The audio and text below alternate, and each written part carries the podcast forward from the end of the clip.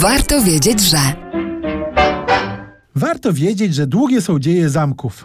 Wielkie mi coś, powiecie Państwo. Z natury rzeczy każdy zamek powinien mieć kilkaset lat. Ale są różne zamki. Nie tylko te obronne, ale też takie, które były nieodłącznym elementem broni palnej. Pierwsze tego rodzaju urządzenia, dające zapłon prochu w broni, to były zamki lądowe. Proste, tlący się ląd powodował wystrzał. XVI wieku Leonardo da Vinci skonstruował zamek kołowy.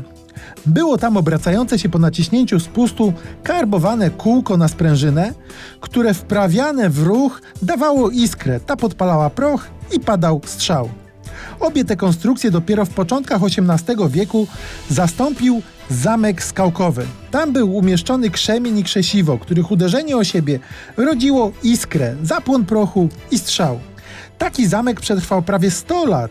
W pierwszej połowie XIX wieku zastąpił go zamek kapiszonowy. Kapiszon to spolszczona wersja francuskiego capuchon. Oznaczało to po prostu kapturek wypełniony rtęcią piorunującą. Uderzenie ostro zakończonego kurka powodowało zapłon i wystrzał.